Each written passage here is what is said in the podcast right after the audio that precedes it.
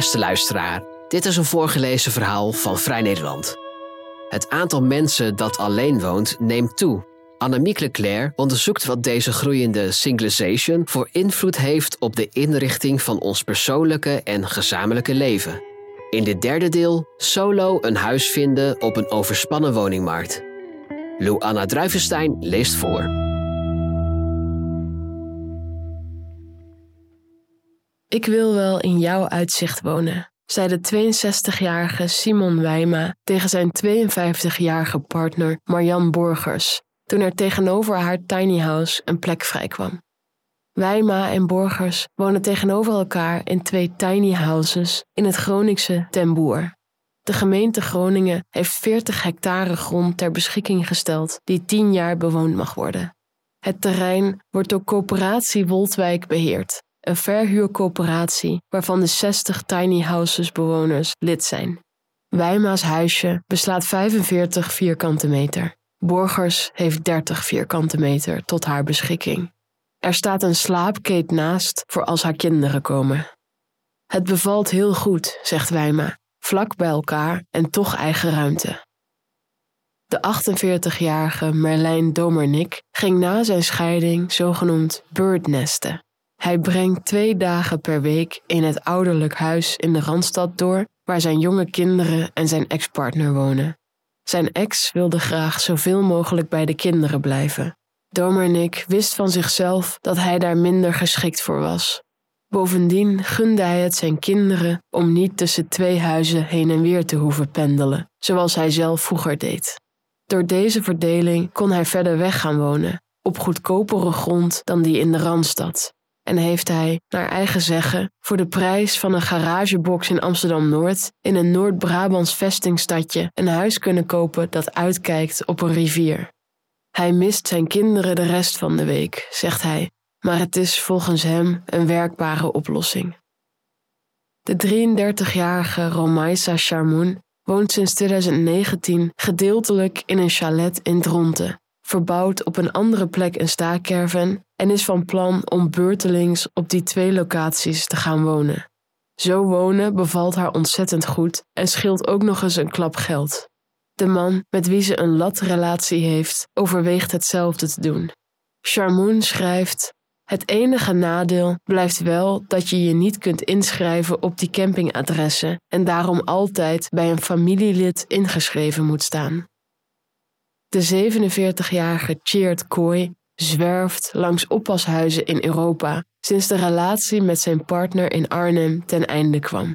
Hij heeft drie kratten in zijn auto met spullen die hij altijd gebruikt, doorzichtig, zodat hij in één oogopslag ziet wat erin zit. En de overige acht staan samen met wat groot huisraad in een container.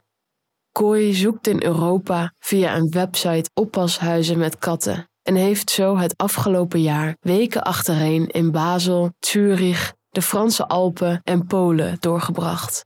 Hij is eigen baas en kan werken op afstand. Kooi heeft geen zin om naar eigen zeggen voor 40 vierkante meter 900 euro te betalen. Bovendien houdt hij van onderweg zijn. Hij denkt erover om ergens een stukje agrarische grond te kopen, dat te ontwikkelen tot een klein natuurgebied en er dan zelf te gaan wonen. Volgens het ministerie van Volkshuisvesting zijn er ongeveer 437.000 huishoudens op zoek naar een betaalbare woning en zijn er circa 47.000 beschikbaar. Een landelijk tekort van 400.000 woningen dus, dat deels wordt veroorzaakt door de enorme stijging van het aantal alleenwoners.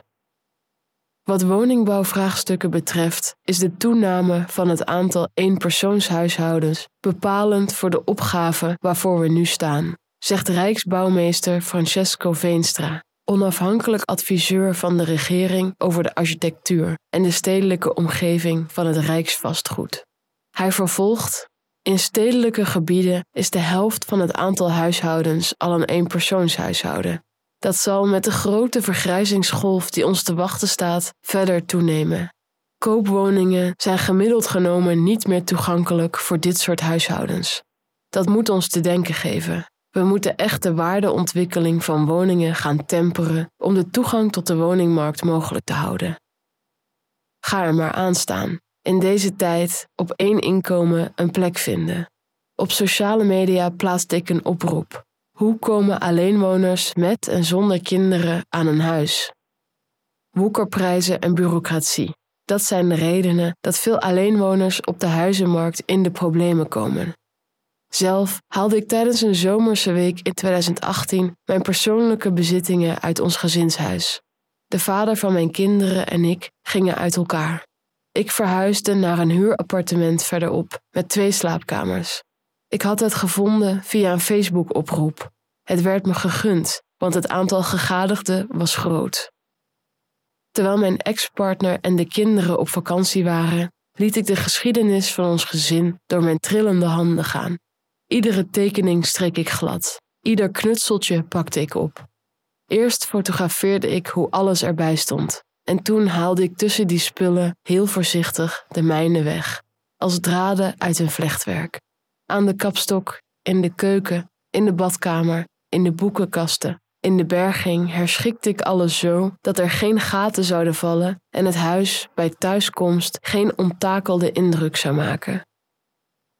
In de vier jaar dat ik mijn appartement boven de snackbar huurde, met uitzicht op platanen en de stadsvogels die zich te goed deden aan het snackafval, ging de kale huur van bijna 1300 naar bijna 1600 euro per maand.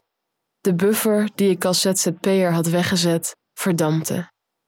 Ik moet vaak denken aan een uitspraak van demograaf Jan Latten over alleenwonenden.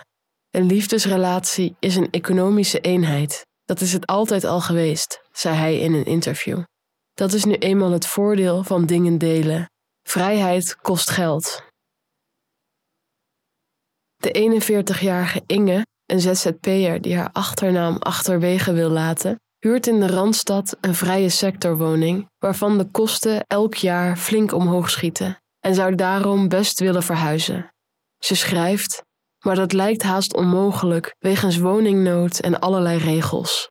Ik betaal netjes elke maand mijn huur, maar als ik naar een goedkopere vrije sectorwoning zou willen doorstromen, kan dat niet, want dan voldoe ik niet meer aan de inkomenseisen. Pure bureaucratie, want ik kan het aantoonbaar wel degelijk betalen. Daar komt nog bij, mailt ze, dat je als alleenstaande veel hogere kosten hebt dan als helft van een stel, omdat bijvoorbeeld bepaalde belastingen voor alleenwoners relatief veel hoger zijn. Ze vraagt zich wel eens af: hoe verhoudt zich dat tot artikel 1, gelijke behandeling en discriminatieverbod? In de politiek lijkt hiervoor geen enkele aandacht te zijn. Sociale huur biedt voor wie zonder partner een onderkomen zoekt tegenwoordig nauwelijks soelaas. Voor een sociale huurwoning moet je in minstens 90 gemeenten gemiddeld meer dan 7 jaar ingeschreven staan, bleek uit onderzoek van de NOS in 2021. In de vijf gemeenten met de langste inschrijfduur, Landsmeer, Wormeland, Haarlemmermeer, Diemen en Amstelveen, wacht je gemiddeld zelfs langer dan 17 jaar, meldde het nieuwsbericht. Dat is nu vast alweer langer. Vrouwtje van der Ploeg, gescheiden, moet met haar 13-jarige kind vanwege de verkoop van het pand haar huurwoning uit. Inschrijven voor sociale huur is kansloos. De gemeente wilde onlangs wel een urgentieverklaring in behandeling nemen, maar de ambtenaar gaf haar weinig kans. Van der Ploeg schreef: De ambtenaar zei: U bent sterk, u vindt wel een huis. Haar collega, die me belde, zei: Hoe is het contact met uw ex? Kunt u niet naar hem terug? Of uw kind? Later hoorde ze dat er van de huidige 14.000 urgentieverzoeken maar 200 gehonoreerd kunnen worden. Ze heeft via Facebook nu een tijdelijke woning gevonden. Door het geringe aanbod en de hoge prijzen zwerven alleenwoners soms langdurig van de ene tijdelijke plek naar de andere gaan van een logeerkamer bij vrienden een tijdje naar hun ouders en komen dan hopelijk via een vakantiehuisje en de woning van een collega die op wereldreis is, uiteindelijk dan toch terecht in een huur- of koopflat. Enclaves van solisten, waar singles, solo-dwellers en eenoudergezinnen elkaar in het trappenhuis ontmoeten. Angie Abink, die zich de thuisloze architect noemt, had die mazzel niet Dertien jaar geleden, nog voor haar scheiding en de mijne, interviewde ik haar al eens over een onderzoek dat ze deed naar gezamenlijke woonprojecten voor de razendsnel groeiende groep stedelijke singles, met een nadruk op eenoudergezinnen. Ze wilde in navolging van steden als Londen of Auckland een volwassen Friends-concept inzetten in bestaande bouw.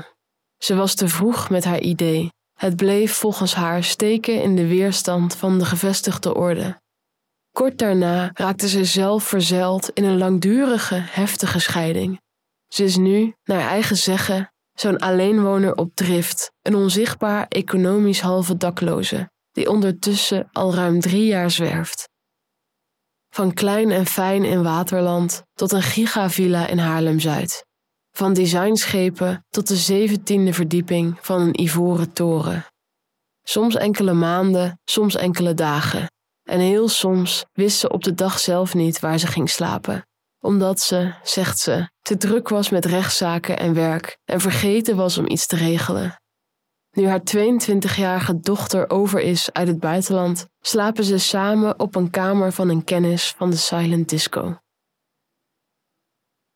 Ondertussen is er een groep alleenwoners wier huis door het uitvliegen van kinderen of de dood van hun partner te groot is geworden. Petra Kok is 12 jaar gescheiden en woont met haar studerende kinderen van 21 en 19. Die gaan binnenkort uitvliegen. Ze mailt: Het huis is dan zeker te groot, maar kleiner gaan wonen voor een hoger bedrag is niet aantrekkelijk. Ze is haar opties aan het bestuderen. Ze schrijft: Misschien kan ik voorsorteren op ouder worden en zorg. Tiny houses in de eigen tuin verhuren aan vrienden met een gezamenlijk gebruik van de grote keuken en zo samen ons eigen zogenaamde bejaardentehuis creëren. Eventueel met op den duur een gezamenlijke verzorger die in een van de kamers woont. Ik weet het, schrijft ze. Luxe probleem in vergelijking tot de velen die geen betaalbare woning kunnen vinden. Volgens Rijksbouwmeester Veenstra is deze geblokkeerde doorstroom een van de grootste kwesties op de woningmarkt. Hij zegt: Er zijn 5 miljoen eengezinswoningen waarin met gemak vier of vijf mensen kunnen wonen. Een deel daarvan wordt bewoond door empty nesters of oudere mensen die hun partner verloren hebben. Voor deze groep geldt meestal dat ze pas bereid zijn hun woning te verlaten als ze een kleinere woning kunnen vinden in de buurt. In plaats van de hyperfocus op honderdduizenden nieuwe huizen voor nieuwe gezinnen, wat nu op de overheidsagenda staat, moet je zijns inziens ook investeren in een aanbod van kleinere appartementen in de buurt van al bestaande wijken. Verdichting heet dat in vaktermen, en inbreiding. Veenstra zegt: woonwijken uit de jaren 50 en 60 zijn vaak heel wijds opgezet, met veel loze, ongebruikte openbare ruimte. Dat zorgt meteen voor een kapitaalinjectie in de markt. Veenstra zegt: Veel babyboomers hebben hun ruime eigen woning al lang en breed afbetaald. Als zij zouden kunnen doorstromen, komt er vastzittend kapitaal vrij.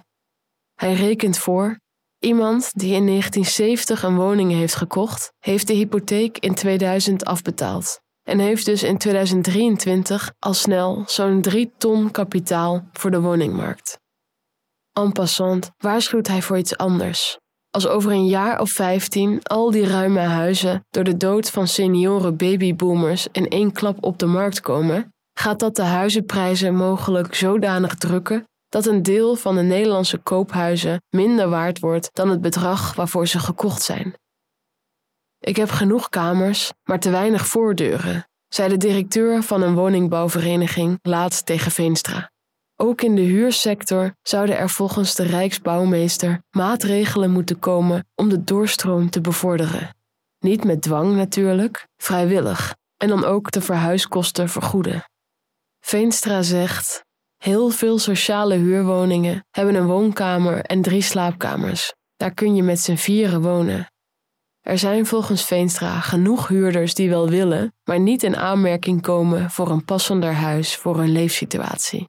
Hij las recent over een oudere vrouw met een gezinsflat die binnen dezelfde corporatie van woning wilde wisselen met een alleenstaande moeder met twee kinderen. Veenstra zegt: Het was niet mogelijk. Ze moesten dan allebei opnieuw in het roulatiesysteem. De Rijksbouwmeester vervolgt: Misschien hoeven we wel niet zoveel te bouwen. Het is een verdeelvraagstuk. Splitsen, versnellen, opleveren, transformeren van bepaalde woningen. Dat gaat veel sneller dan het realiseren van nieuwe woningen. Wie ik ook spreek over bouwen voor de toekomst, iedereen zegt: we moeten op een heel nieuwe manier over wonen gaan nadenken. Cheert Kooi, de zogenaamde zwerver uit het begin van dit verhaal, is met zijn bedrijf Rogeo naar eigen zeggen bij de geldkant van de meeste grote woningbouwlocaties betrokken.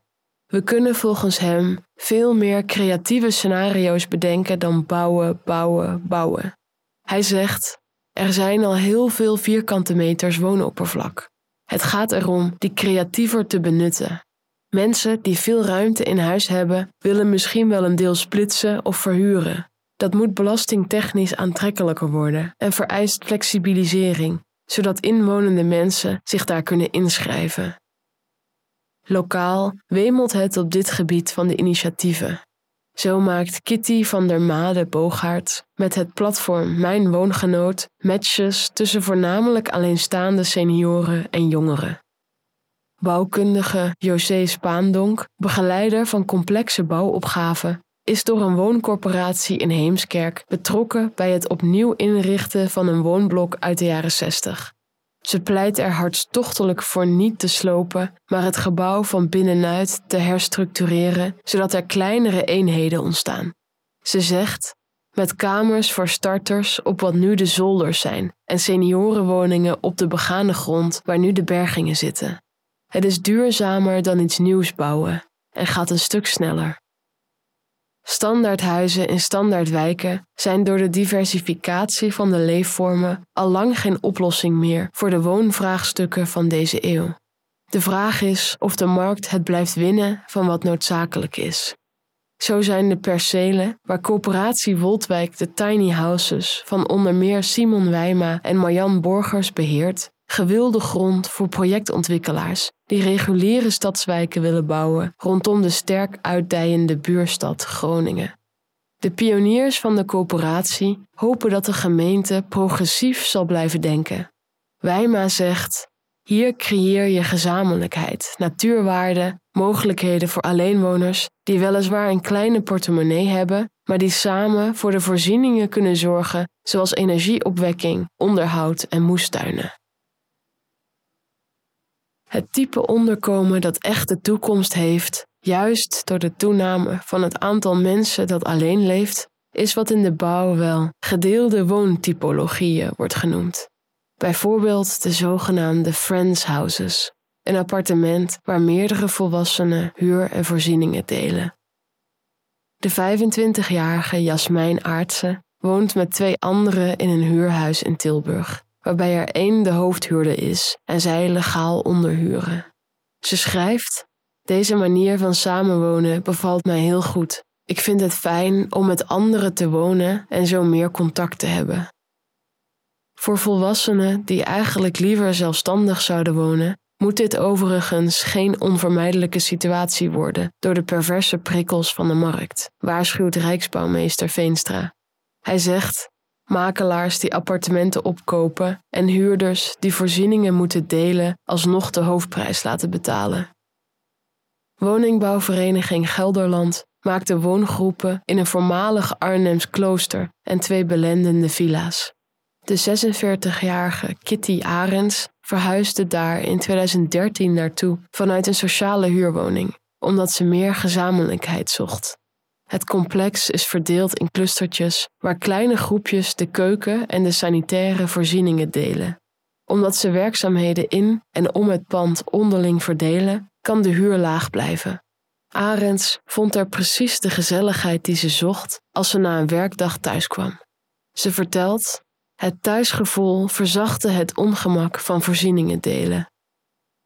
Nu de doorstroom van nieuwe, jonge huurders is toegenomen, neemt die geborgenheid af en heeft ze van een van haar eigen kamers een keukentje gemaakt.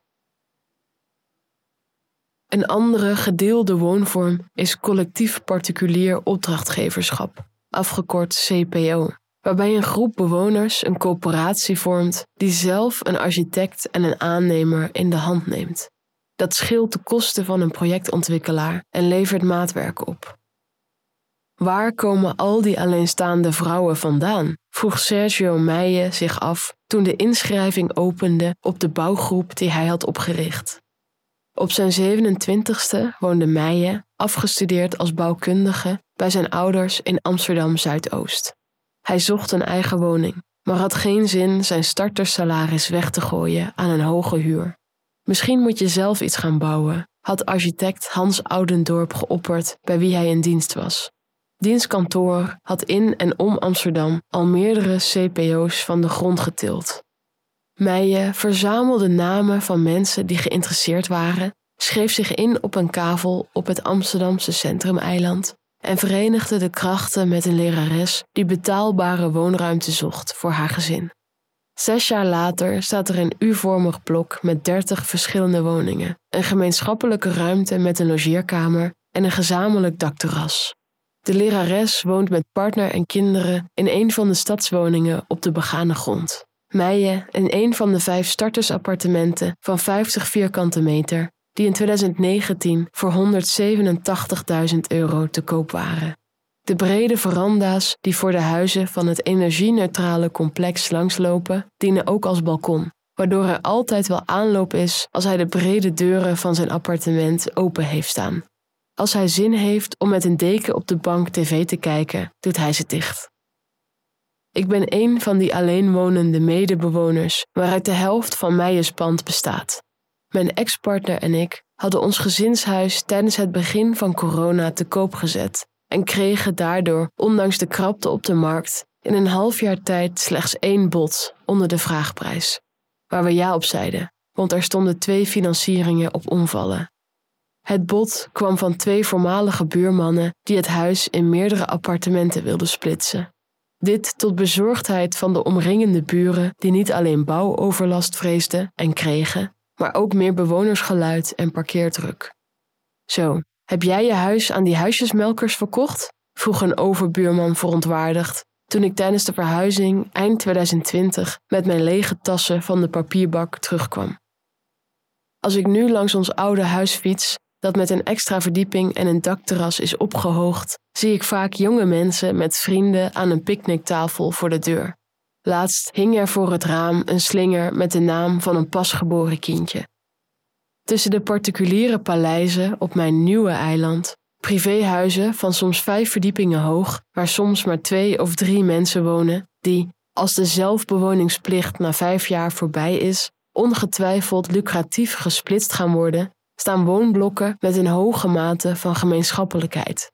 Zo wonen we naast wooncoöperatie De Warren, een gemeenschap van meer dan 50 jonge mensen die appartementen huren van hun eigen coöperatie en op elke verdieping door gemeenschappelijke ruimtes eigen woongroepjes vormen. Een eindje verderop komen flexwoningen, waar gescheiden ouders zij aan zij met statushouders komen te wonen. Wie dan eindelijk een huis heeft, geeft dat niet zomaar op, ook niet om te gaan samenwonen. Relaties zijn onbestendiger geworden, mensen kijken wel uit. Veel alleenwoners hebben bovendien helemaal geen trek meer om met iemand rekening te houden. Het wemelt van de berichten in mijn mailbox met zinnen als samenwonen, dat nooit meer.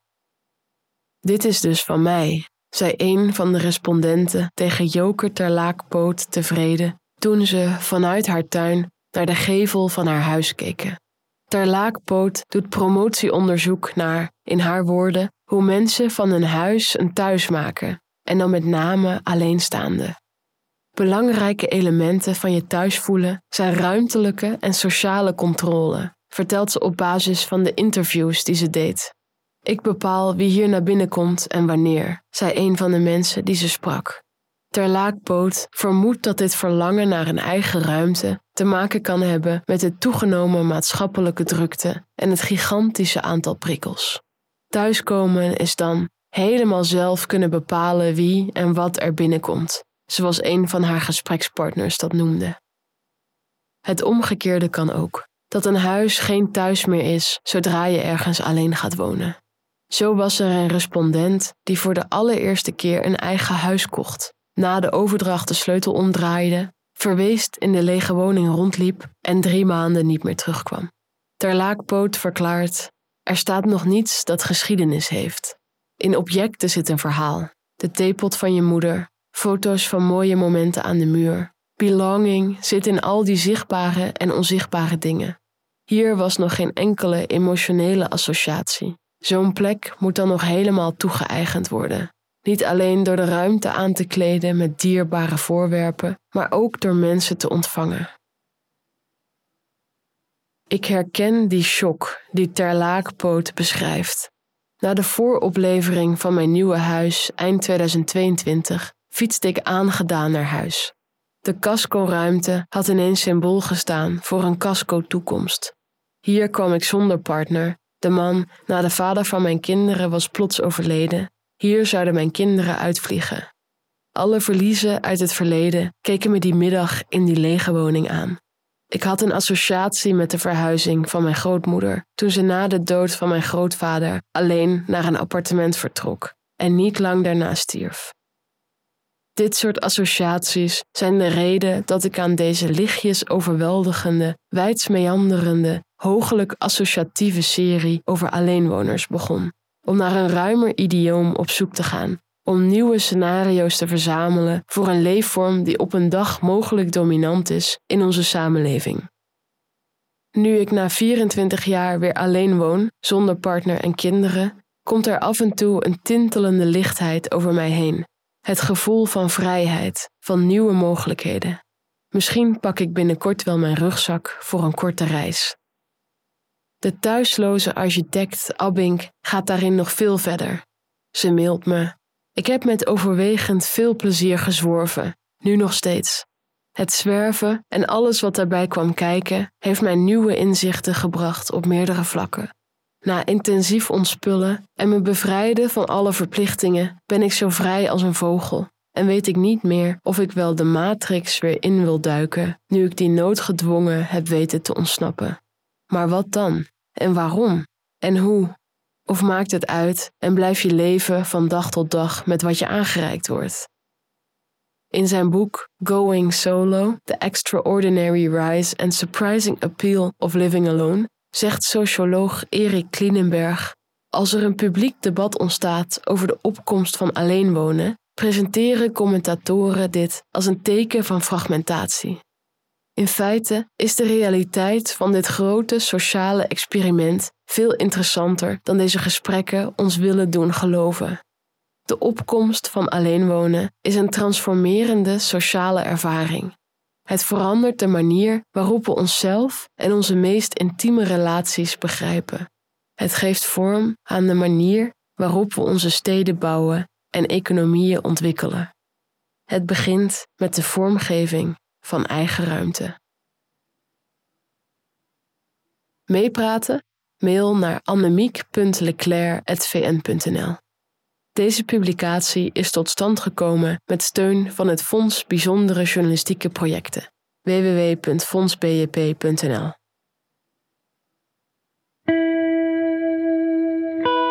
Wil je meer verhalen van ons lezen of beluisteren? Kijk dan op vn.nl of abonneer je op Vrij Nederland in je podcast-app.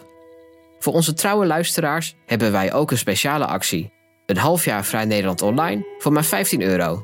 Kijk voor de aanbieding en de voorwaarden op vn.nl/podcast. Bedankt voor het luisteren.